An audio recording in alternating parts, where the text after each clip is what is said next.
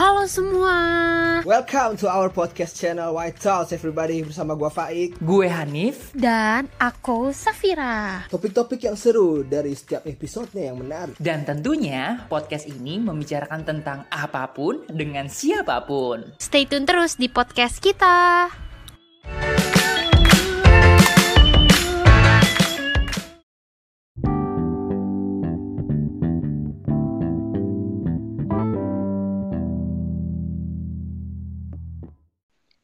Hai guys, kembali lagi di podcast kita White. Oke kali ini hostnya, aduh gue jadi tegang, jadi ini bintang tamunya spesial soalnya. Oke, kali ini eh, bersama gue Safra Febriani akan kembali memegang eh, podcast hari ini. Jadi kali ini eh, bintang tamu gue adalah sahabat gue sendiri waktu SMA. Jadi gue eh SMA kuliah, maaf ya saya kuliah kuliah. Jadi jujur waktu pas eh, kuliah gue tuh lumayan agak susah dapetin teman cewek. Nah ini udah salah satu temen gue bahasanya gitu ya. Dan kita tuh hokinya bener-bener eh, sekelas dari semester 1 sampai semester 5 karena semester 6 kan gue udah magang ya jadi udah gak ada kelas lagi nah ini namanya adalah Cina Hai Cina Halo. Senang banget nih gue bisa diundang di White House Podcast. Kinan apa kabar Kinan? Alhamdulillah baik. gue mau kenalin dulu nih Kinan. Jadi Kinan ini kan teman eh, kuliah gue. Terus dia ini dulunya SMA-nya juga udah di eh, SMK pariwisata. Jadi itu dia benar-benar menurut gue ah, dia adalah temen cewek gue yang pintar, benar-benar pintar dalam bahasa Inggris dan emang maksudnya kayak benar-benar kelihatan gitu loh dari SMK pariwisata waktu pas lagi kuliah gitu ya. Terus eh, dia eh, orangnya benar-benar kayak gue gitu loh, temenannya netral gitu. Nggak nggak maksudnya dia tuh kayak mau berteman sama siapa aja juga. Terus menurut gua dia tuh open minded ya kakak-kakak. Oni oni hyung hyung open minded tapi ini bukan SJW ini bener open minded menurut gue pribadi. Terus? terus kita ini juga suka pertailanan Thailandan gitu ya terus oh ya gue inget banget waktu itu gue sempat nganterin dia melepas dia dari Indo ke Taiwan karena dia mendapatkan beasiswa ke Taiwan gila.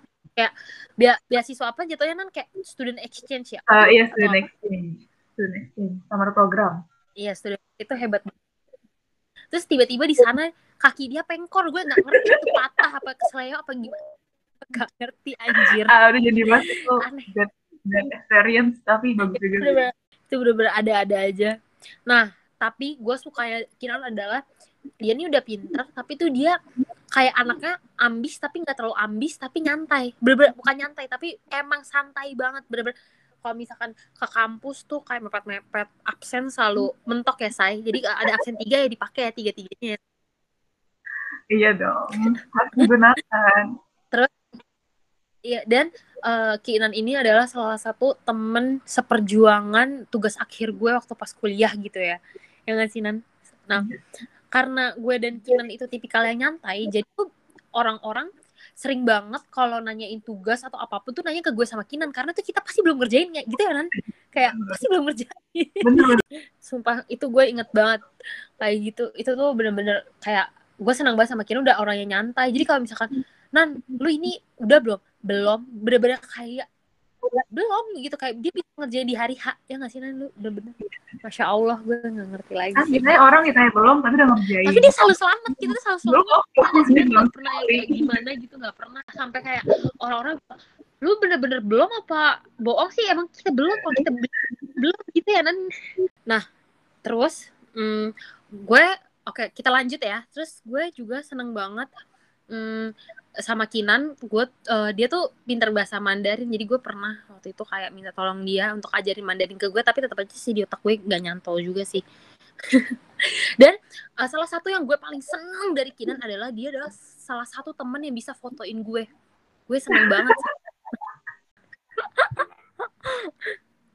soalnya eh Kinan eh, soalnya gue punya banyak temen yang gue fotoin mereka bagus tapi mereka nggak bisa fotoin gue balik. Tapi kalau di Kinan gue nggak bisa fotoin Kinan soalnya Kinan bagus banget foto gue. Kayak, ya Allah sumpah. Kalau kalian udah pernah lihat Instagram gue eh Kinan ini uh, banyak banget fotoin gue waktu pas kita lagi uh, keluar kota waktu pas di uh, apa Bali Bali Lombok tuh banyak banget itu bener-bener jepretan Kinan semua tuh hampir gila. Sampai panas-panasan yang ngasinan kita foto-foto? Aduh ampun deh gue inget banget itu. Tapi memang ini Kinan ini anaknya agak pendiam ya saya dia lebih suka ngedenger tapi kayak kita paksa hari ini dia untuk banyak cerita ya kan Nan kenapa sih Nan? Gue mau nanya dong, lo kenapa bisa sesantai itu gitu loh? Kayak sedangkan orang-orang tuh kayak kalau ngeliat satu orang udah selesai tuh kayak langsung kebakaran jenggot gitu. Apa sih? Mesti kenapa lo bisa sesantai itu gitu? Jujur, gue juga nggak tahu sih kenapa. Cuma emang dari mungkin dari keluarga juga kali ya. Keluarga gue tuh orangnya kayak selalu.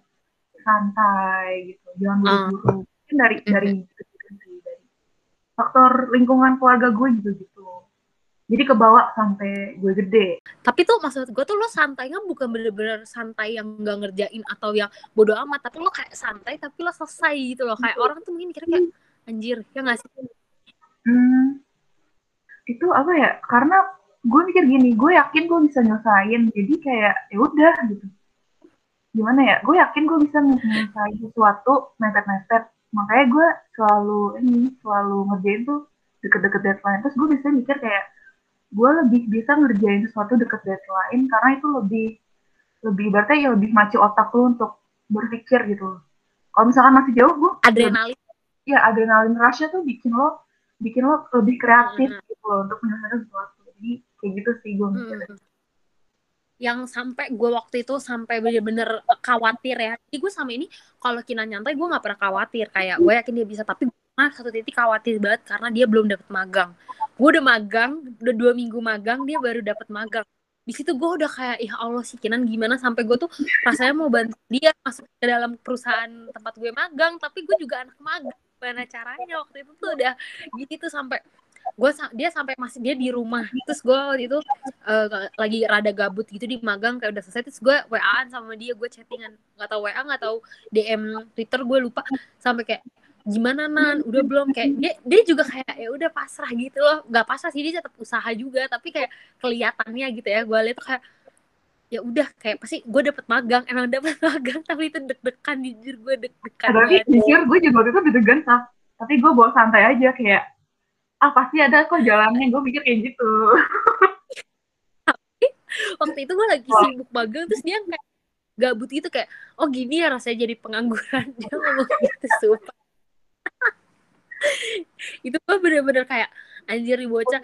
Dan dan kalian tahu nggak gue sama Kinan tuh bener-bener kayak orang-orang mungkin kayak uh, getol banget ya nyari kerjaan sekarang. Gue sama Kinan nyantai aja ya nan. Selama duit masih ada yang masuk santai aja ya nan Nah, parah sih, gini gue terlewat kelewat santai tapi gue masih tetap ini sih cari-cari juga. Tapi gue bangga banget ya. Gue bangga banget sekarang tuh Kinan semenjak puasa. Jadi tuh sebelum puasa ini uh, Kinan tuh lagi ngejalanin olahraga rutin lah ya. Jadi uh, dibilang diet tapi lebih ke hidup sehat sebenarnya ya nan. Jadi uh, konsisten buat olahraga. Yeah. bener-bener gue ng kalau ngeliat Instagramnya sebelum puasa ini dia olahraga bener-bener nonstop kayak setiap hari sampai berapa kilometer lah lari-lari. Gue tuh udah kayak udah jompo nih kayak badan gue jujur.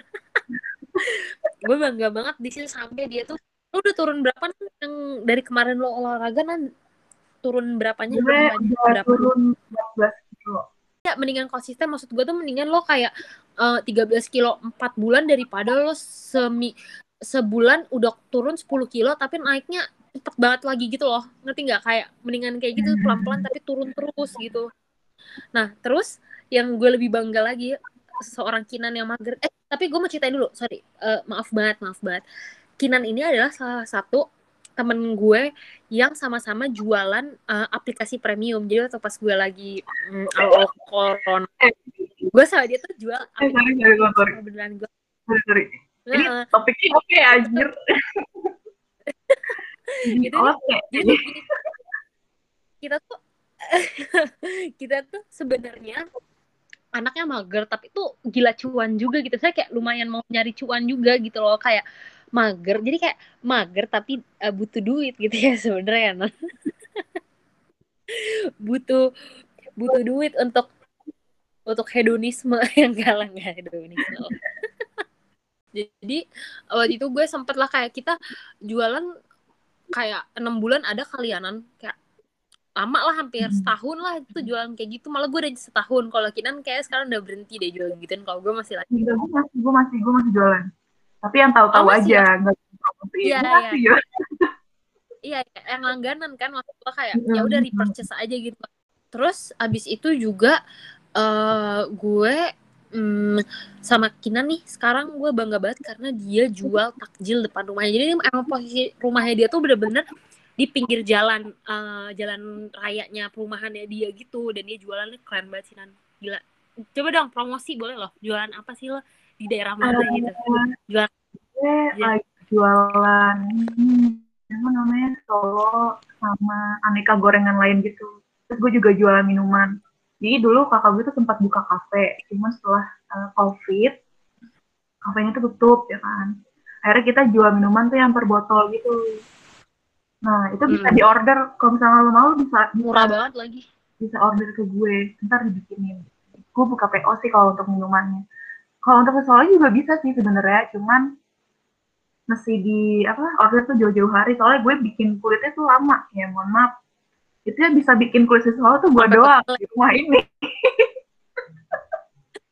Pegel ya? Saya bikin kulit sosis solo ya gue cuma satu. Terus gue mesti bikin satu gitu tapi seru sih Iya itu itu PR tapi seru kayak apalagi buat kita yang pengangguran kalau kayak gitu kan ada aja kerjaan ya sebenarnya ya nggak sih? Jadi kayak ya sekalinya sore gue penuh warna ya kan? Seenggaknya waktu siang dan sampai malam gue ada warna lah gitu. Iya. aduh nah eh, ngomong dari tadi tentang em, apa kesantaian kita sekarang tuh lagi marak banget bukan mati lagi heboh banget nih tentang hostel culture. Eh, Kinan tahu nggak? Atau udah pernah dengar bahwa tentang hostel culture? Eh, gue udah sering denger sih soal hustle culture ini. Kayak lo lagi marak juga sih orang-orang seumuran kita kerja di startup company yang culture company-nya tuh apa workflow-nya tuh ini kayak lo lembur tuh satu minggu lo nggak ada libur lo masih tetap di kontak sama bos lo sama klien lo segala macam. Itu sih yang yang gue tahu dari hustle culture itu ya. Jadi kalau misalkan gue jelasin lagi gue eh, per apa ya gue perlengkap lah ya. Jadi kalau yang eh, gue lihat-lihat di eh, di TikTok atau misalkan di Twitter gitu ya, hal hostile culture- ini sebenarnya adalah ka- eh, or- kayak anak-anak milenial sekarang nih umur-umur 20 30 tahun nih itu tuh lagi em, kayak lagi seneng atau kayak bahasanya apa ya memamerkan bahwa gue tuh lagi sibuk banget. Jadi tuh mereka malah bangga banget kalau sibuk banget gitu. Padahal sebenarnya menurut gue ya eh, kesenangan orang beda-beda juga sih ya. Tapi kalau dari pandangan gue pribadi eh, hustle culture ini ya cukup toksik lah ya. Karena kita tuh bener-bener kerja tuh kayak lembur. Terus kayak apalagi semenjak WFH jam kerja makin gak jelas. Kayak biasanya mungkin lo datang jam 9 to 5 gitu itu aja juga kadang lu sampai pakai lembur jam 8 malam, jam 9 malam, tapi karena WFH jadinya lu jam 10 malam masih tetap meeting online atau malah jam setengah satu meeting lo masih jalan atau jam 10 baru mulai meeting. Kayak hal kayak gitu tuh jadi jadi hal biasa. Padahal menurut gue itu bukan bukan prof, gak profesional ya, tapi menurut gue itu tuh ya kurang bagus lah menurut gue. Karena kan kita kan gak cuma kerja doang, tapi kan lo butuh me time, lo butuh sama keluarga lo, lo butuh liburan lah seenggaknya kayak gitu loh maksud gue atau butuh waktu relief gitu maksud gue. Jadi menurut gue banyak orang yang ngerasa kalau dia sibuk tuh dia bangga gitu kayak gue sibuk nih gue punya kesibukan padahal di belakang itu menurut gue mental tuh utama. Jadi ketika lu eh, terlalu bekerja keras dan lu tidak memberikan kesempatan istirahat untuk diri lo, itu tuh ya gimana ya lo stres kerjaan juga setengah-setengah gitu nggak sih sebenarnya Hmm. Ya bener. Kayak banyak teman gue yang kerja di startup company gitu kan. Terus beberapa juga kadang suka ngeluh. Anjir, gue satu minggu masih masih masih kerja gitu loh. Gue nggak ada waktu untuk untuk diri gue sendiri, or at least untuk seenggaknya untuk nonton inilah, nonton Netflix gitu nggak ada gitu. Jadi gue kayak mikir eh, semakin ke sini tuh orang semakin apa ya? Kayak semakin sibuk, lu semakin kelihatan oke gitu. nah benar benar benar benar kalau gue sebagai orang yang santai, gue justru pengennya sih kerja yang udah 9 to 5 aja dan sisanya gue bisa kayak gue nggak mau kelihatan kayak ih ini orang sibuk ya gini-gini gitu. Mm-mm. Uh, si Faik bilang belum dapat kerja ngeluh dapat kerja lebih ngeluh. Itu bener banget kayak gue tahu nih uh, gue tahu bahwa gue tuh belum dapat kerja gitu. Tapi gue juga maksudnya gue bahasa kerja gue tuh sekarang bahasanya tuh gue usaha lah ya berdagang gitu. Maksud gue gini gue nggak kerja gue stres. Kerja lebih stres. Emang sih kerja dapat juga tapi banyak menurut gue teman-teman gue pun banyak yang lagi kerja dia makin stres juga. Karena tuh sekarang perusahaan menurut gue mentang-mentang lagi WFH gini jadi mereka berkedok uh, berkedok magang atau berkedok uh, freelance atau berkedok belum karyawan tetap tapi mereka kerjanya tuh udah gila-gila kayak karyawan bener tetap gitu loh. Apalagi ya misalkan uh, apa bahasanya hmm, pemberian dia tuh nggak diapresiasi ya. Maksudnya gue gua nggak ngomong apresiasi itu harus dalam bentuk uang tapi bisa juga dengan apa gitu loh maksudnya nanti mungkin dia ya kita kan setiap apa pun yang kita butuh diapresiasi ya sebenarnya. Tapi maksudnya ya kadang kan juga ada yang tetap kena omel atau gimana atau malah makin stres atau rekan yang kurang uh, baik atau gimana gitu loh maksud gue. Makanya gue jadi kayak nyari kerjanya gue juga ny tetap nyari tapi kayak ya udah slow aja. Mungkin memang belum rezeki gue gue lebih gitu sih sebenarnya. Karena gue ngeliat teman gue juga tetap ngeluh makin stres juga tetap ngeluh juga sama gue yang belum dapet kerja. Jadi gue mikirnya kayak oke okay, gue tetap nyari kerja tapi ya udah jadi nyantai aja gitu sih kalau gue. Kalau lo gimana, Nan? Ya, gue gak jauh beda sama lo, Taf, sebenernya. gue tetap usaha, tetap uh, hmm. cari, cuma karena emang belum dapet, ya udah gue jalanin yang sekarang aja dulu. Gue nggak hmm. mau terlalu stres mikirin kayak, aduh gue udah umur segini belum dapet kerja segala macam. Karena gue percaya sih, hmm. gue pasti dapat kerja, gue pasti bakal dapet kerja gitu. Tapi yang iya, belum gitu. sekarang aja kan maksudnya. in the present dulu deh gitu. Kalau kalau kata Eldin ada nih temen gue juga dia bilang ya hitung hitung lo istirahat lah tiga tiga tahun kuliah udah kayak banting tulang. Ya kan kita kuliah tuh udah kayak banting tulang tuh sebenarnya waktu pas zaman kuliah ya nggak sih? Tapi jujur gue ngerasa kuliah gue tuh santai banget. Bener-bener santai.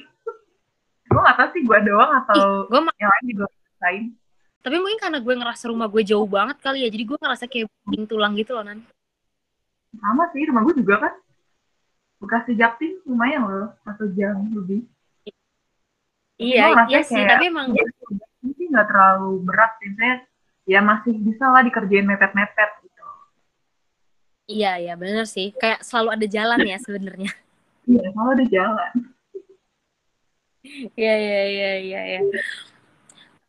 Uh, tapi uh, selain hostel hostel culture ini, uh, ada nggak sih yang pengen lo bahas nih? Misalkan tentang kayak apa sih maksudnya uh, yang lo rasain tentang vibes vibes orang kayak gitu? Maksudnya kan dari zaman kuliah kita juga udah ngeliat ya kayak banyak banget teman kita yang terlalu ambis padahal ujung-ujungnya nilainya sama kayak kita gitu maksud gue nan. Kayak gimana hmm. gitu. Itu kan sebenarnya rada toksik juga ya menurut gue gitu ke lingkungan yang lain kalau menurut gue sih apa ya gue nggak melihat itu sebagai sesuatu yang toksik gue lebih kepada apa ya pribadi masing-masing orang sih ya ada beberapa orang yang menganggap itu toksik tapi ada ada juga yang menganggap itu sebagai acuan buat diri kita untuk untuk bisa lebih ambis lah gitu. Saya jangan ketinggalan gitu. Cuman kalau gue pribadi gue ngeliatnya biasa aja kayak ya udah uh, itu pilihan mereka mereka mau ambis uh, dengan apa yang mereka lakukan. Jadi kalau menurut gue kayak uh, gue lebih ke apa ya pokoknya gue biasa aja gitu melihatnya gitu. Menurut gue itu bukan sesuatu yang toxic sih. Kecuali kalau misalkan orang itu tuh uh, karena dia ambis banget nih terus dia tuh kayak ngejudge orang kayak ih mm -hmm. uh, lo santai banget sih orang ya, jatuhin orang jatuhnya. Itu menurut gue baru toxic. Selama orang itu nggak jatuhin orang karena pilihan hidupnya menurut gue biasa aja sih tak hmm. oke oke tapi uh, maksud gue tuh menurut gue ya benar kalau misalkan emang dia ambis tapi diam-diam sih fine fine aja tapi kalau misalkan dia ambis yang ngomong-ngomong gitu loh nanang kayak gue udah nih gue udah nih atau enggak kayak yang bikin lo tau gak sih kadang, kadang kita tuh suka ada di grup nyantai tiba-tiba dia muncul tong terus langsung oh, iya. itu maksud gue kayak langsung kayak semua mahasiswa tuh kayak langsung pada kayak langsung pada panik gitu loh Oh. Langsung Oh, bikin panik gitu ya? Iya kan maksudnya bikin kayak padahal kita lagi tenang-tenang terus kayak dia tiba-tiba padahal dosen kita udah ngomong ini masih sampai tanggal 9 terus tiba-tiba kayak yang kayak oh tandanya harus ini dong harus ini dong yang kayak langsung grup tuh langsung rame banget gitu. Lu paham kan maksudnya situasi yang kayak gitu? Oh, iya, iya. padahal kayak nyantai aja gitu loh pelan-pelan aja nggak usah buru gitu. Sebenarnya kadang gue juga ini sih kesel, kesel dikit, tapi ya udahlah gitu. maksud gue tuh itu pas kali dua kali sering banget gak sih kayak gue dari kesel sampai kayak apa ya allah dadah Kayak gitu kalau bisa gue mute gak sih gitu. Iya. bener Banget. Itu bener banget aduh ya allah itu bener banget bener banget mana gitu eh apa namanya terus gue juga eh, nggak suka kayak ini loh tipikal sebenarnya hostel culture ini juga mungkin eh, jadian waktu pas kuliah juga nggak sih? Kadang-kadang juga ada yang dosen tuh mungkin karena suka nggak mikir kalau kita tuh juga punya tugas lain jadi enak banget ngasih tugasnya kayak minggu depan ya enggak besok ya yang gitu gitu lah. Yang kayak dosen mikirnya ya lah kan kamu di rumah doang ini nggak ngapa-ngapain udah lah saya kasih tugas aja. Kayak gitu kan juga sudah sama aja ya. Iya, sama aja. Ya sih Heeh. Tapi tapi ini sih kayak apa namanya? Kalau ngomongin soal itu, gue lebih ke apa ya namanya? Kalau misalkan emang apa ya gue bingung aja ngomong apa nih sedikat gak sih?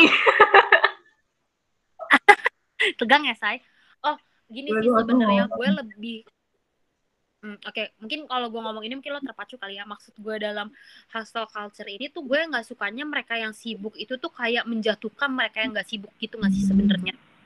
Itu tuh sebenarnya yang bikin eh, kayak misal kita lagi ngumpul atau gimana, terus kayak ini gue lagi sibuk banget gini gini gini. Jadi kayak mm, mungkin dia bisa aja sih ngomong biasa aja, tapi kan pasti ada salah satu mungkin teman atau gimana yang merasa tersindir gitu. Kalau kita kan orangnya kayak yang menikmati hidup aja gitu ya nan. Kalau kita kan tipikalnya kan maksudnya ada orang yang kayak mau ngejatuhin temennya karena ya temennya ya diem-diem aja atau dia ngerasa kayak temennya nggak kerja keras padahal setiap orang kan sukses atau kerja kerasnya kan ada porsinya beda-beda gitu loh maksud gue Mungkin ini kali ya, yang kadang suka bikin status kayak apa namanya? Duh, eh, mendingan gue sibuk deh pada nganggur gitu kali ya. Kayak lu mikir Iya. gak sih banyak temen lo yang masih nganggur terus lu bikin bosan kayak gitu gitu. Lu nggak mikirin perasaan dia gitu. Walaupun sebenarnya ya kalau gue pribadi sih gue biasa aja ya. Saya nggak terlalu mikirin gitu. Cuman untuk mungkin beberapa orang kan ngerasa kayak mereka bisa aja down dengan Hmm. postingan orang itu gitu kan. Iya benar. Gue kalau emang lu sibuk kalau misalnya lo bener-bener sibuk menurut gue lo nggak ada waktu untuk flexing sih kalau menurut gue sih. Ya benar benar yes yes yes. Betul betul kayak betul. lu oke karena ngeluh kalau lagi sibuk kalau misalkan lu flexing setiap hari sibuk itu lu nggak sibuk lu masih ada waktu untuk eh, flexing di sosial media. Ngeluh. Lu sibuk beneran gak sih sebenarnya gue iya benar benar. Gue yang gue yang ngangguran aja Iya sih, kadang nggak setiap hari gue saya nggak ngepost setiap hari atau flexing setiap hari. Gitu. terus kalau misalnya lu emang beneran sibuk bener. kenapa lu setiap hari flexing gitu gue kata gitu iya benar benar pikiran itu gue juga pikiran kayak gitu. Iya sih ya benar juga ya. Cuman pengen pamer lu kerja di sini lu udah udah eh, apa namanya? Udah kerja nih lu udah nih gitu. gue kayak ya itu terserah lo sih it's fine gitu. Itu, itu terserah lo kan sosial media itu oh, itu hak lo gitu kan cuman ya udah Iya. gitu. Gak usah jatuhin orang yang belum ibaratnya belum sibuk lah jangan jadi kayak bikin sorry jangan ngejatuhin orang yang ibaratnya belum sibuk yang belum memiliki kesibukan yang sama dengan lo karena kan kesibukan Iya. orang beda-beda gitu. Iya, benar, benar. Ada loh eh, orang yang gue gue percaya eh, apa pun itu rencana Tuhan gitu ya bahasanya atau rencana Allah. Gue yakin kok mungkin dari kita kita ada beberapa teman kita atau dari kita kita juga belum dapat kerja tuh mungkin karena kita ternyata tuh harus bantuin orang tua kita di rumah ya. Sekedar lu ngepel cuci piring kek atau sap nyapu gitu loh. Ngerti gak sih? Jadi kayak ya emang mungkin eh, waktunya nih emang lagi harus sama orang tua karena sebelumnya mungkin lo sibuk banget. Jadi lo harus sama ngabisin waktu sama orang tua lo. Bisa juga kayak gitu atau enggak mungkin sebenarnya kita lagi dijauhin sama tempat-tempat kerja yang menzolimi kita. Gue sih percaya percaya aja ya hal-hal kayak gitu. Kita tuh nggak tahu orang tuh beda-beda ya nggak sih bisa aja kita nggak dikasih kerjaan karena kita dihindarin dari hal-hal yang kayak gitu. Kalau menurut gue ya walaupun gue nggak religius tapi ya maksud gue pasti tuh ini emang udah jalannya gue gitu. Ada jalannya kita ya nggak Iya sih, gue gue setuju sih sama lo. Soalnya kita juga kayak gini kan gak diem-diem doang, kita masih ada usaha gitu kan. Cuman Iya. karena em- emang mungkin emang belum waktunya, ya udah gitu lo coba aja nikmatin hidup lo yang yang sekarang, lo lakukan sesuatu yang emang lo pengen lakuin yang belum pernah lo lakuin waktu lo kuliah kemarin. yes benar Jadi menurut gue ya udah gitu, santai aja, balik ke santai aja gitu. benar-benar balik balik lagi santai aja tapi tetap usaha ya maksudnya Iya. santai itu lu tuh jangan terlalu menekan diri lo kayak diri lo tuh bisa untuk istirahat dalam waktu lama lo gitu untuk nge-recharge biar lo tuh bahasa apa pas comeback tuh lo tuh kayak full gitu langsung maksimal gitu kan. Kan kayak gitu kan. Jadi emang jalan setiap orang tuh ya beda-beda gitu menurut gue. Hmm. apalagi gue paling nggak suka sama eh, orang-orang yang apa ya nilai orang yang ni- menilai temen atau orang yang kayak lo sih nggak gini lo sih nggak gitu gitu loh. Nan maksudnya kayak ya ngerti kan lo maksudnya. Jadi kayak dia tuh eh gue gue tahu sebenarnya setiap maksudnya achievement dan kesuksesan orang kan beda-beda. Tapi tuh dia membandingkan sama dirinya dia gitu loh. Jadi kayak eh, nilai jadi kalau misalkan gue belum punya belum bisa beli rumah tandanya gue belum sukses. Padahal kita tuh nggak tahu loh di balik orang nggak bisa beli rumah itu bisa aja dia membiayai keluarganya ngebiayain sekolah atau kuliah adeknya ya nggak sih? Kayak dia emang nggak ada nggak ada gaji dia itu emang nggak bisa disisih nggak bisa disisihin sama dia buat nabung ya emang gaji dia ya buat dia dan keluarganya gitu loh. Maksud gue kayak semua orang tuh nggak sama keuangannya. Karena jujur menurut gue setiap kesuksesan orang itu pasti ada privilege sih. Maksudnya privilege-nya itu dalam artian entah lu dapet koneksi atau lu emang punya duit buat modal ya nggak sih? Nan kayak semua tuh pasti ada privilege-nya pasti itu ya nggak sih? Iya benar. Lo dapat warisan dari bokap lo atau bokap lo emang udah punya usaha terus lo kerja di kantor bokap lo gitu kan. Iya benar. Itu nggak bisa dipukul Kayak- rata. Iya benar kayak misalkan gini, eh, kalau misalkan eh, menurut gue gini, kan lagi rame nih mungkin yang kayak sekarang tuh lagi rame banget eh, kayak Ata Ata Aurel contoh ya jelas lah mereka udah punya privilege banget dari keluarganya gitu. Gini dan gue kalau gue jadi mereka ya gue bangga lah orang tua gue kerja keras buat anaknya gue gitu loh. Jadi tuh kalian juga jangan terlalu membandingkan diri kalian gitu loh. Ya lu lihat aja startnya mulai dari mana. Bisa aja gue startnya dari minus 2 atau Aurel eh, startnya udah dari angka 10 gitu loh bahasanya tuh kayak gitu. Jadi jangan membandingkan diri kalian sama orang-orang yang kalian kalian lihat di sosmed. Atau enggak contoh misalkan gini iya gue males tapi gue sekarang miliarder dari investasi saham. Misalnya lo lihat gitu ternyata pas kita lihat-lihat dia eh, modal pertama sahamnya 10 juta. Lah lu emang punya 10 juta sekarang buat nambah paham kan enggak maksud gue tuh dia juga walaupun kayak gitu dia tuh dimodalin sama orang tuanya 10 juta juga gitu loh. Terus nanti mungkin dia perkara dia balikin duit ke orang tuanya atau enggak ya itu urusan dia. Tapi kan dia punya apa ya privilege bisa orang tuanya ngasih 10 juta buat dia investasi. Maksud gue kayak gitu loh mau dia dikasih atau dari jajan tapi 10 juta tuh gede loh misalkan untuk orang yang umurnya belasan tahun gitu loh maksud gue ya nggak sih nan? Mm-mm. kayak jadi tuh nggak apa ya kayak emang semua tuh butuh privilege gitu. Kayak misalkan eh, jujur aja gue eh, waktu itu dapet magangnya tepat waktu kan juga dapet dari temennya nyokap gue jadi ya emang semua tuh butuh koneksi dan privilege ya sama aja lah privilege juga lah hal-hal kayak gitu ya nggak sih Waktu Nan? magang pun gue juga dapat privilege sih. Dari dapat pri- privilege juga gue waktu magang. Jadi gue Iya, apa dibantu sama ini sama Adam untuk apply di situ. Jadi ya udah gitu. Iya kan maksudnya pasti ada hal-hal yang kayak gitu loh bukan yang bener-bener makanya gue bilang ya kerja kerja keras itu penting tapi semuanya tuh akan eh, beda hasilnya ket- ketika lu punya privilege. Jadi ngebahas privilege juga kan. Maksudnya pasti emang kayak gitu sih kalau misalkan lu kerja. Atau semisal hmm, eh, banyak juga eh, insider privilege ya bener. Jadi kok ada juga eh, kayak gue punya eh, temen gitu ya eh, yang pada buka-buka usaha atau gimana gue tuh malah seneng banget gitu loh. Kayak gue sekarang punya ba- punya banyak temen yang punya usaha gitu. Pokoknya selama gue ada duit pasti gue mencoba untuk membantu sekecil apa pun yang ngasih. Ya minimal support lah gitu lah yang ngasih seenggaknya walaupun nggak bisa beli banyak atau gimana ya ngasih nan? Karena karena tahu ya nan eh, kita dagang kalau nggak ada yang beli itu gimana gitu ya? Apalagi padahal minimal teman sendiri kan seenggaknya. Ya itu eh, gue da- dagang pun di depan rumah itu juga kebanyakan yang beli itu teman gue. Maksudnya Hmm, hmm, kan coba untuk namanya beli lah gitu walaupun nggak banyak. Hmm, hmm, hmm. atau enggak atau tetangga lah ya. Lu Ya, pasti banyak nggak sih kalau tetangga? Ya oh kan? banyak. Alhamdulillah banyak tetangga gue yang beli Iya, gue tuh kayak kalau misalnya lagi update, gue tuh kayak pamer gitu ke nyokap gue, mah mama lihat deh, Kinan deh, Eh, seru banget jualan depan rumahnya gitu, gitu deh, pokoknya ampun deh. Kayak saya gue nggak mau nyangka lu akan jualan gitu loh, kayak gue kan saya kan manusia mager ya, Nan. jadi nyangka lu bakal jualan kayak gitu. Maksudnya yang lo jual itu adalah makanan fresh ya, makanan fresh gitu, bukan frozen food yang lo tinggal ya maksudnya lo bisa bikin sekarang buat besok-besok gitu. Kalau ini kan bener-bener makanan fresh yang lo bikin malamnya atau siangnya terus lo jual gitu. Kan kalau Netflix kan kita bisa sambil rebahan ya. Maksudnya jual aplikasi premium kan kita- bisa sambil rebahan kan.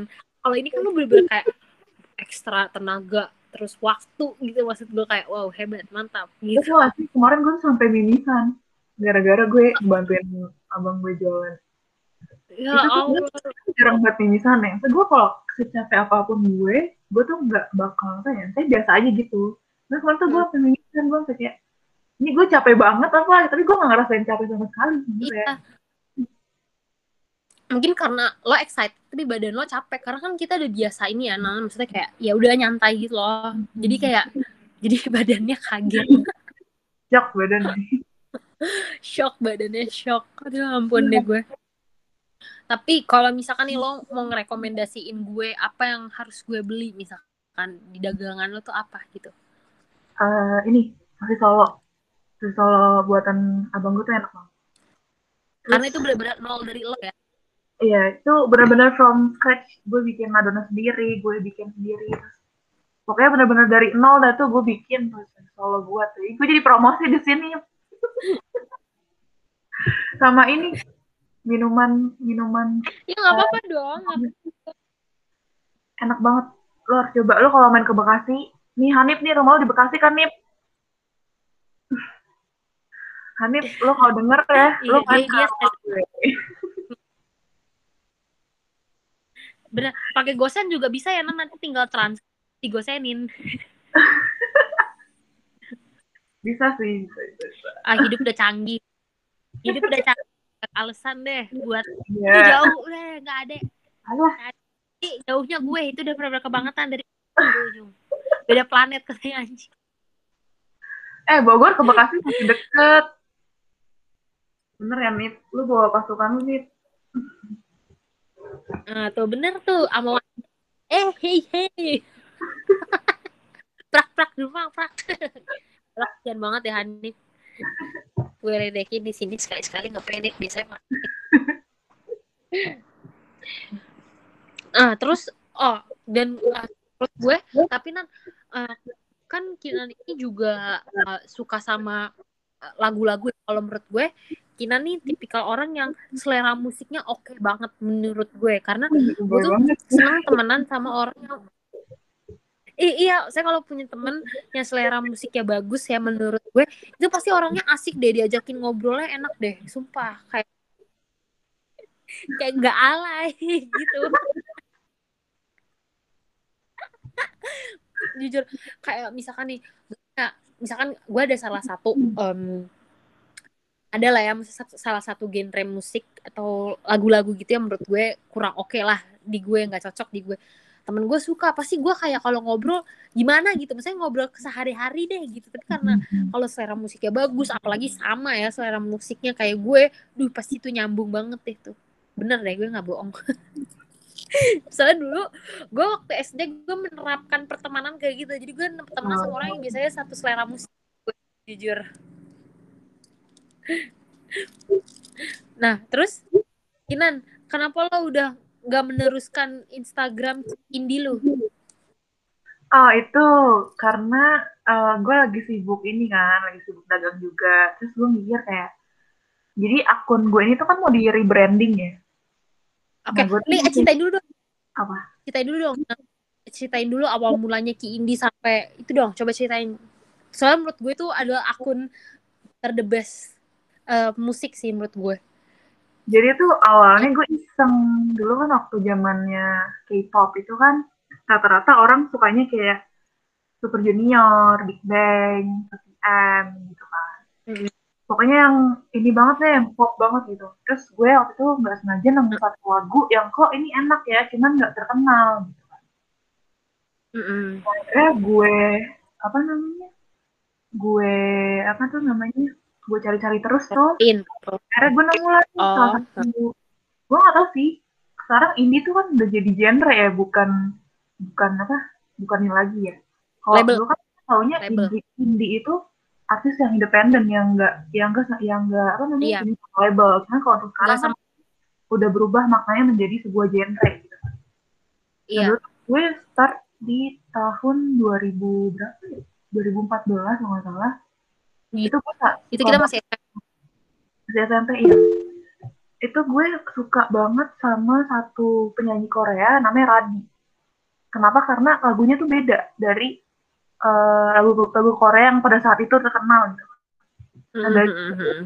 untuk iseng-iseng aja kayak ngepost eh, foto sama lagu. Dan dulu kan Instagram cuma bisa 15 detik kan. Iya, bisa benar. Jadi gue start dari situ. Terus lama-kelamaan akhirnya semua lagu gue post tuh. Sampai sekarang pun sebenarnya gue masih sih, gue masih ngepost cuman karena gue apa namanya lagi sibuk juga, terus gue mau rebranding juga kan. Jadi gue mikirin nih kayak ke depannya nih akun gue mau jadi apa gitu, jadi kayak Mm. gimana. Gue tuh gue tuh gue masih masih gue ibaratnya masih gue racik lah supaya supaya gak gitu-gitu aja akun gue gitu. Mm-mm. Ja- terus ceritain yang Nadine dong. Yang Nadine. Oh yang di follow Nadine Amizah tuh sebenarnya udah lama, udah lama banget sebelum dia terkenal sekarang ya. Heeh. Jadi tuh awalnya gue ngechat dia, gue nge-DM Nadine, gue DM kayak eh, karena karena gue lihat suara musiknya dia sama kayak gue. Kalau Koreanya ya kan. Terus gue DM kayak, Hai Nadine, eh gue lupa deh, pokoknya Hai Nadine, kayaknya lo suka ini deh, suka apa namanya Korean indie music juga ya. Eh gue punya akun ini nih gitu. Terus abis itu langsung di follow sama dia gitu. Nah dari situ, ya udah gitu. Akhirnya kan dia makin terkenal nih sekarang. Terus waktu itu sempet satu posan gue di di repost story-nya dia.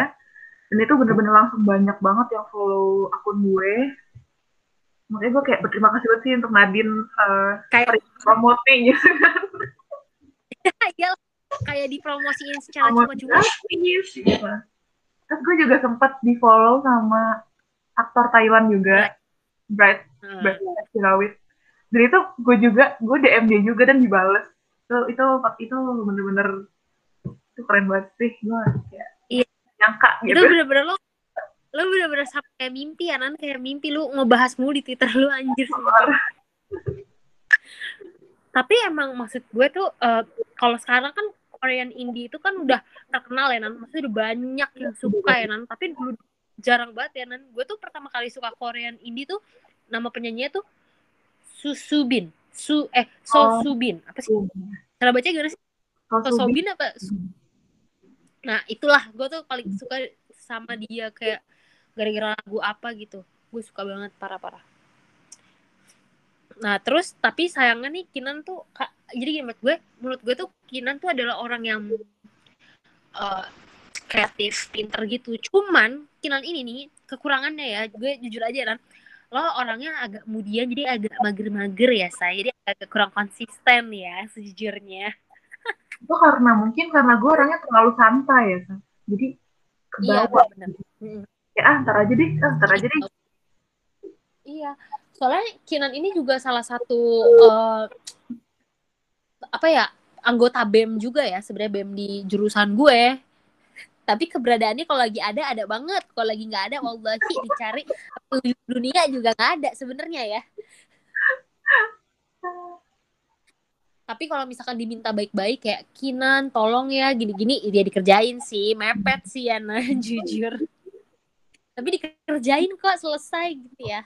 Ya gue itu bad habit sih ngerjain Iya. mepet itu bad habit. Cuman gimana ya? Gue terpacunya apa ide kreatif gue tuh muncul saat gue kepepet gitu.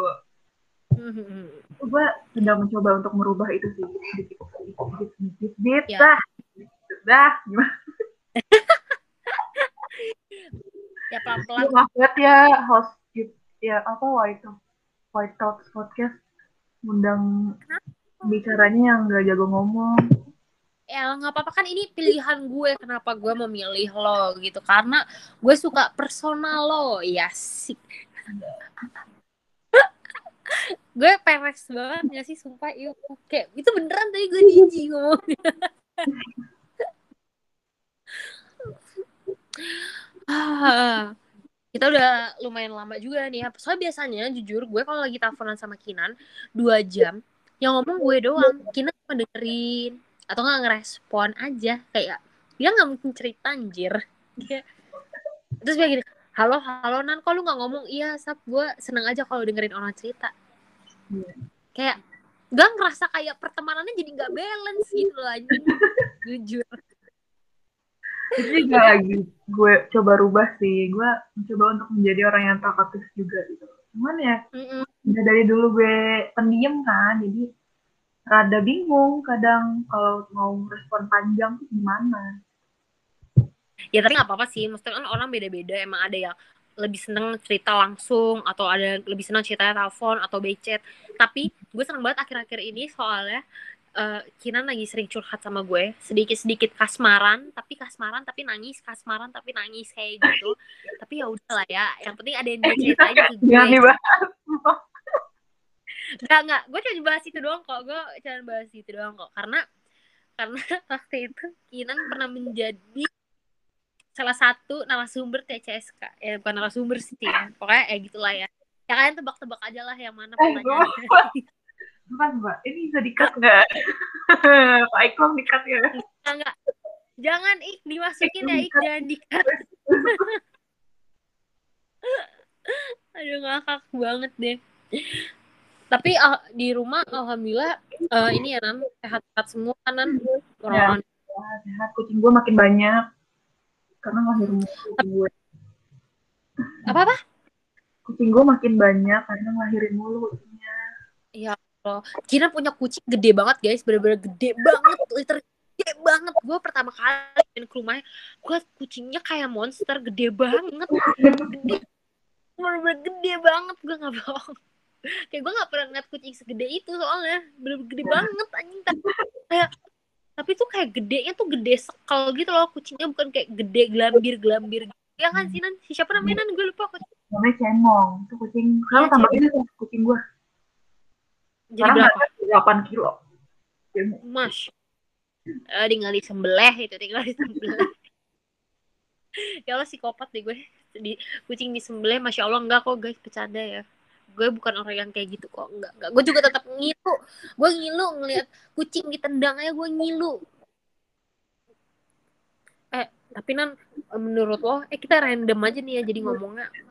Kan lo pecinta, maksudnya kayak kalau gue kan gak, gak maksudnya gue kan tipikal orang yang suka melihara binatang ya jadi mungkin gue nggak kurang touchy gitu ya maksudnya gue orangnya kurang hangat gitu kalau menurut gue tapi maksud gue lu kan eh, suka sama binatang sampai kayak waktu pas di Bali aja tuh dia ngeliat anjing aja tuh kayak excited gitu ya kan? Kalau di anjing di, di Bali kan banyak anjing-anjing liar ya. Nah kalau lo setiap lo ngeliat eh, animal abuser apa sih namanya kayak gitu ya? Kayak yang siksa-siksa gitu tuh lo ngeliat gak sih nan? Apa lo nggak tega? Jadi lo nggak ngeliat? Gue enggak gue nggak tega sih. Gue pasti nangis sih kalau lihat. Bener-bener kalau misalkan ada gue lihat tulisannya dulu nih apa nih? gitu kan. Kalau misalkan dari tulisan aja udah kayak animal abuse gitu kan kayak udah gue nggak bakal buka tuh video atau thread karena gue Iya. pasti nangis gitu Mhm. Kalau gue lebih ke ngilu ngeri sih, kayak gue nggak tega. Gue suka nggak buka tuh kayak misalkan, apalagi kan kalau misalkan di Instagram atau di TikTok kan sekarang ada yang kayak tanda mata dicoret gitu kan, maksudnya kayak disensor, jadi cuman lo harus siap-siap buat lihat kayak gitu kan. Itu gue juga nggak nggak, gue suka nggak ngeliat sih, soalnya gue kayak takut kebawa mimpi gue mah kalau kayak gitu. Kak aja. Tega. Soalnya kan gue juga punya bintang peliharaan kan. Jadi gue Ada juga lagi banyak. gue gituin gimana gitu. Iya benar. Ya. Hmm, benar benar benar. Orang mesti abuse animal kan mereka nggak ngapa-ngapain. Iya makanya. Terus kayak Iya. manusia bisa nggak sih nggak nggak nggak melukai makhluk hidup lain gitu. Iya benar benar. Ya karena kan pada dasar ya gue nggak membenarkan sih tapi emang ya begitulah biasalah. Yang punya akal malah kayak nggak punya akal ya. Sebenarnya kan binatang kan kalau ini bilangin binatang itu kan nggak punya akal dan pikiran ya. Malah manusianya yang punya akal dan pikiran kayak binatang yang tidak memiliki akal dan pikiran. Betul bukan? Betul apa betul? Ya, maksudnya itu untuk manusia manusia itu ya. Tapi kalau lu masih ngerasa waras ya silakan aja sih merasa waras. Gue ngakak banget deh. Gue podcast sama temen gue sendiri kocak banget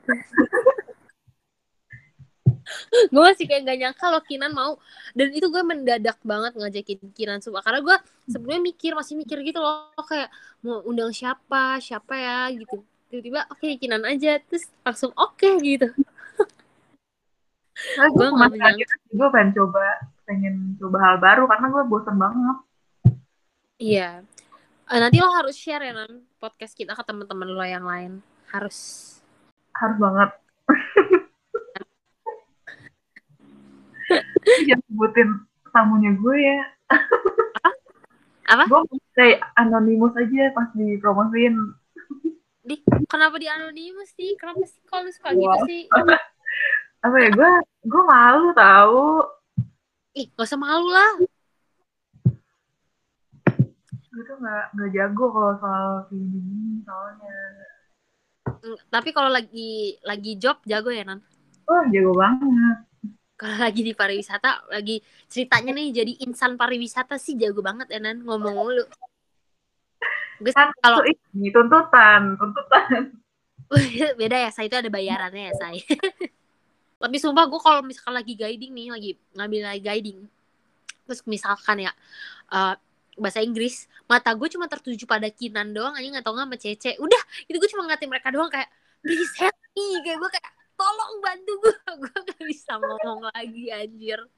Gue minta ampun deh kalau tentang perbahasan mau bahasa eh, Inggris kayak Mandarin kayak apa kayak tapi gue coba bahasa Indonesia deh. Udah deh tuh gue bisa deh. Udah minta ampun ya Allah kenapa gituin Korea ya Allah Korea juga gue bisa sebenarnya gini gue bisa Korea bukan bisa ya maksudnya ada yang gue banyak ngerti karena gue fun kali ya belajarnya. Gue nggak pernah tertekan. Pokoknya apa pun yang tertekan gue menjalaninya nggak bakal deh tuh nyangkut di pikiran dan hati gue nggak bakalan Kalau gue sih kalau bahasa gue seneng banget. iya semua bahasa gue tuh suka. Mau itu Iya. bahasa apa. Gue suka Iya. gitu. gimana ya Mandarin lo aja uas lo nilainya paling tinggi anjing 92 ya nggak sih gue masih inget. Bukannya cuman A doang ya? Kalau gue A, A doang gak sih? enggak enggak waktu itu kan disebut disebut nilainya terus kayak kalau 92 tuh masuknya A gitu setahu gue kayak gitu Gue Iya. nggak gue nggak terlalu mikirin. Mbak, Yang gue tahu Coba hao, ni hao ma doang. Ya ampun. jangan gitu doang dulu kan jago banget cewek-cewek kan kalau bahasa Thailand kan nggak perkenalan gitu perkenalan bawa bahasa Thailand kayak Mandarin kayak tapi selain Inggris Indo deh pokoknya selain Inggris Indo Oh. apa aja Kalau? Mandarin, ni Pina, eh, wo shi Indonesia, eh ini apa ya lupa pokoknya gini ren. Terus kalau Thailand, eh sawadika, apa ya lupa gue. soalnya mendadak ya saya nggak ada di briefingan ya saya Ini gak ada di brief nih, mohon maaf.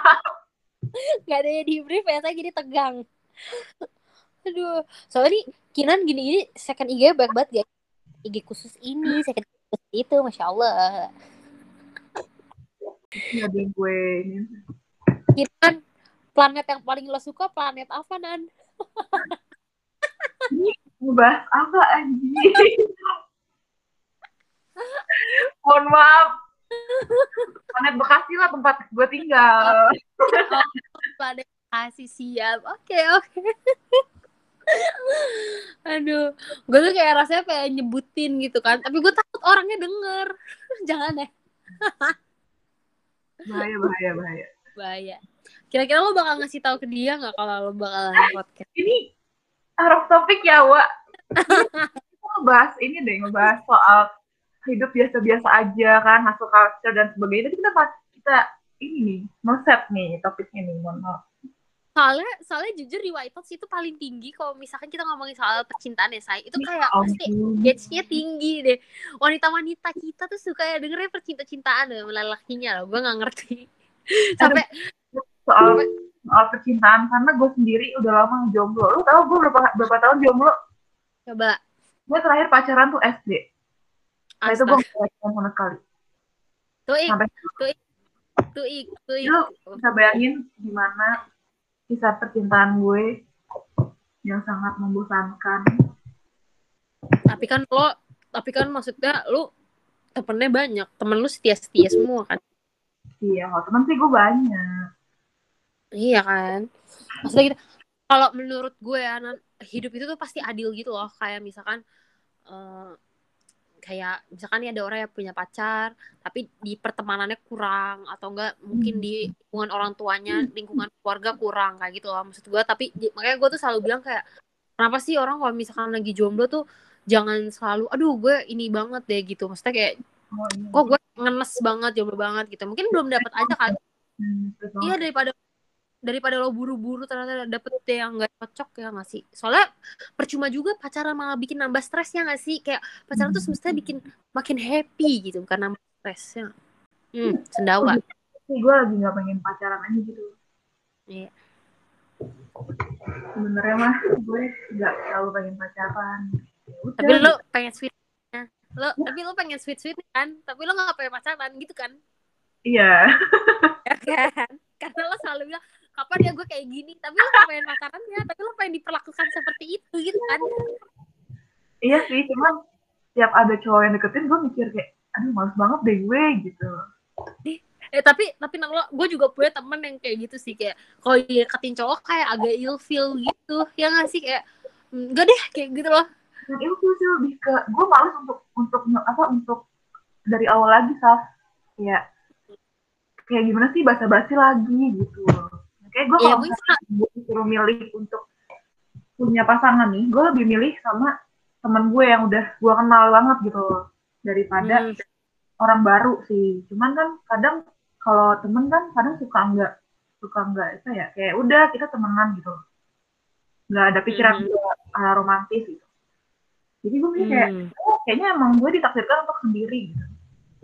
Hmm. Dan gue nggak Nah. masalah gitu, gue nggak punya masalah.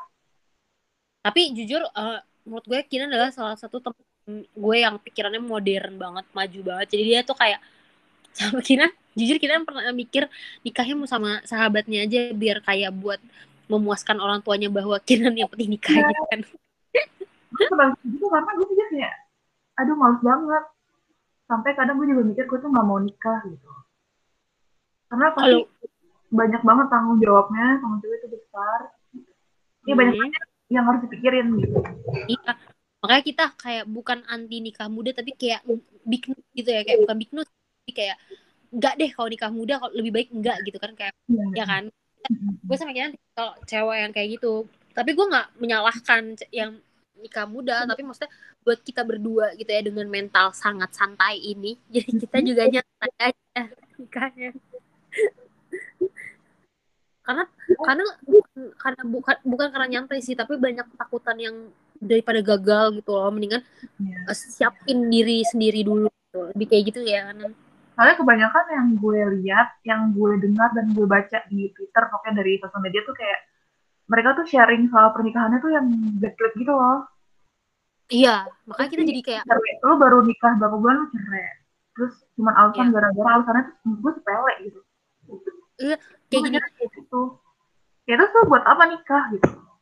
Mm, apalagi gue nggak gue sih nggak terima sama statement yang udahlah nikah aja daripada dosa gitu. Kayak lah emang pas lagi nikah kita nggak dosa? Tetap aja dosa-dosa juga nih gitu maksud gue tuh kayak jangan jadikan dosa tuh sebagai apa ya bahasanya sebagai tolak ukur utama banget gitu loh. Soalnya ya lagi maksud gini emang sih ki- kita tuh gue bukan ngomongin agama gimana ya tapi kan kita ibadah semestinya kan karena Tuhan ya bukan karena surga dan neraka ya sebenarnya. Ya nggak sih? Tapi itu juga salah satu hal yang jadi keputusan juga gitu maksud gue jadi kayak menurut gue tuh gue paling nggak suka banget deh apalagi sama orang tua yang tipikal mau anaknya buru-buru nikah biar mereka itu tanggung jawabnya tuh berkurang gitu. Ya nggak sih? Ya. kayak tanggung jawabnya malah hilang gitu. Eh, untungnya ya orang tua gue tuh nggak nggak apa namanya nggak force gue untuk cepet-cepet dapet apa namanya pasangan kayak gitu nih iya. Kayak ya udah gitu. Kalau emang belum waktunya ya udah. Hmm, tapi kalau lingkungan lo di lingkungan lo sendiri banyak yang nikahnya ya nantian atau malah nikah cepet kalau di lingkungan lo sendiri? Kalau di lingkungan gue sih kayaknya ini deh. Kayaknya malah enggak deh. Jarang Enggak. jarang ya, muda gitu. Sama-sama. Mungkin karena kita juga di lingkungan yang nikahnya pada udah umur 25 ke atas 27 gitu kali ya atau malah ada yang 29 30 jadi kita juga nggak ngikut ke diburu-buruin ya nggak sih Nan? Iya. Mungkin karena juga kali ya. Kita juga eh saya orang tua gue sendiri pun bukan tipikal orang tua yang nikah muda sepupu-sepupu gue pun nggak ada yang nikah muda juga jadi gue semakin kayak ya udah lah nyantai aja nggak sih? Kayak gitu ya nggak mungkin. Tapi menurut gue juga kasihan sih. Eh, gue juga banyak temen yang kayak emak gue udah nyuruh nyuruh nih ada juga sih saudara gue yang kayak gitu. Udahlah kamu nih saudara gue sendiri ya tapi kan mungkin dia nggak denger podcast gue jadi gue nyantai aja. Jadi mm, ibunya jadi gue itu main ke rumahnya terus ibunya ngomong gini udah kamu ngapain lagi? Udah cepet nikah aja cepet nikah. Tapi nih anaknya nih eh, apa ya maju gitu pikirannya dia udah ah nanti aja nanti aja. Padahal dia tuh baru umur 23 kayak bahwa dia di atas gue setahun gitu. Terus dia, ibu yang begini biar mama biar mama gak usah ngurusin kamu atau biar mama nggak pusing. Pokoknya dia ngomongnya kayak gitu. Kan tandanya kan kayak "Ih, lu cuma mikirin lu lu nggak mikirin kebahagiaan anak lu yang sebenarnya gitu nggak sih? Kayak gue mikirnya kayak ya ampun tetap aja kali kalau ada nih lu nyuruh anak lu cepet-cepet nikah. Tapi ternyata sama orang yang nggak tepat. Yang repot siapa? Orang tuanya juga kan. Malah jadi ngerepotin lagi lebih lebih lagi ngerepotin. Belum lagi nanti udahlah kamu nggak usah cerai bikin malu aja. Lah yang kayak gitu-gitu loh maksud gue ya nggak sih? Kayak mendingan anaknya maksud gue bukan nggak bukan mending tapi lebih baik anaknya mempersiapkan lebih jauh gitu. Makanya kalau menurut gue kalau gue mending bahasa gini ya mendingan jadi mendingan gagal nikah daripada perceraian. Gagal nikah tuh maksudnya udah gini terus nikah gak, gak, gak jadi nikah gitu gak jadi nikah gitu. ya kan daripada lu nikah terus lu cerai gitu. Ya kan ya walaupun kalau kayak gitu juga kecewa mungkin eh, keluarga malu atau gimana tapi daripada udah ketalang nikah kan bahasanya mungkin gitu nggak sih? Kayak ambil hikmahnya aja. Tapi mungkin kalau gue di nggak jadi nikah aku juga yang kayak stres pasti lah ya kalau kayak gitu. Tapi ya pasti orang-orang pasti mikirnya ya udah tandanya dia emang bukan yang terbaik buat lo makanya lo dibikin gak jadi nikah sama dia gitu kan. Aduh bener-bener karena ini semakin malam dan kita ngobrolnya makin ngalor ngidul kita sudahi saja podcast kali ini. Kita lebih kayak ke curhat sesi curhat ya sebenarnya. Gue yang curhat sudah. Aduh. Kita ada pesan-kesan nggak untuk eh, teman-teman pendengar White Thoughts nih? Seputar tadi kita pembahasan kita yang awal yang tentang apa hustle culture ini sebenarnya enggak sih cuman eh gue nggak nyangka kita bakal bahasnya of topic aja sih so. iya tiba-tiba gue berharap semoga pendengar White Talk Podcast ini betah sih dengerin kita ngomong ngawur gini tapi ya sih ini ini eh, pengalaman yang cukup menarik sih buat gue pengalaman baru Mhm. Jadi gue mau berterima kasih kepada host White Podcast karena udah mengundang gue menjadi eh pembicara, eh tamu ya, kok pembicara sih? ya sama pembicara atau bintang tamu lah Iya, untuk sesi kali ini. gue juga Gue- berterima kasih nggak sih eh, jadi host keempat? Waduh, kalau kalau jadi tim kreatif aja, Anda mau nggak sih? Anda nasi loh sebenarnya jadi tim kreatif kami sebenarnya. Boleh, gue mau kok jadi tim kreatif tuh, ntar gue cari-cari topik. Oke, oke ini pendengar kalian pendengar jadi saksi ya. Jadi mulai hari ini menjadi tim kreatif Items, oke? Memegang sosial media dan perkontenan ya, Nan. Wah, boleh banget. Supaya ntar di CV gue ada kan kayak sosial media spesialis White Talk Podcast kan keren. Boleh. Oke, oke, karena karena hari jadi editor, hari jadi editor kedua Oh. Oke ya. Oke, ini didengar oleh pendengar-pendengar White Thoughts ya. Jadi lo jadi tim kreatif nih, Alan. ya udah, gue juga berterima kasih banget sama Kinang karena mau diundang dan meluangkan waktu untuk menjadi uh, pembicara dan narasumber hari ini, bintang tamu hari ini. Dan surprise-nya lagi ternyata Kinan mau loh jadi kon tim White Thoughts. Jadi kita punya tim baru nih ya. Tapi nanti lanjutannya kita ngomongin berempat lah ya. Nanti kita ngomongin sama Hanif sama Faik lah ya. Jadi Hmm. ada saya jujur jadi dapet rezeki ya di sini. Ya. Karena gue ngelihat potensi di sini gitu. Makanya kenapa gue mengajukan diri karena gue ngeliat potensi gitu. Oke, Karena ini kayak keren banget sih menurut gue. Kemarin eh, eh, lu berarti lu bilang kan kita teleponan lu bilang lu pengen bikin podcast gitu kan. Dan akhirnya Hmm. kesampaian itu menurut gue suatu hal yang luar biasa sih. Jadi gue applause banget sih buat Pak Iya, kasih. teman-teman. Wah, ya udah karena abis ini kita mau jadi lanjut ngomongin kontrak kerjaan bahasanya gitu. Jadi kita sudahi aja sampai sini. Terima kasih ya untuk semuanya yang udah sampai dengerin di menit sekian ini, di detik ini. Makasih banget. Semoga podcast kali ini bermanfaat. Makasih Kinan, makasih pendengar. Dadah. Annyeong. Bye.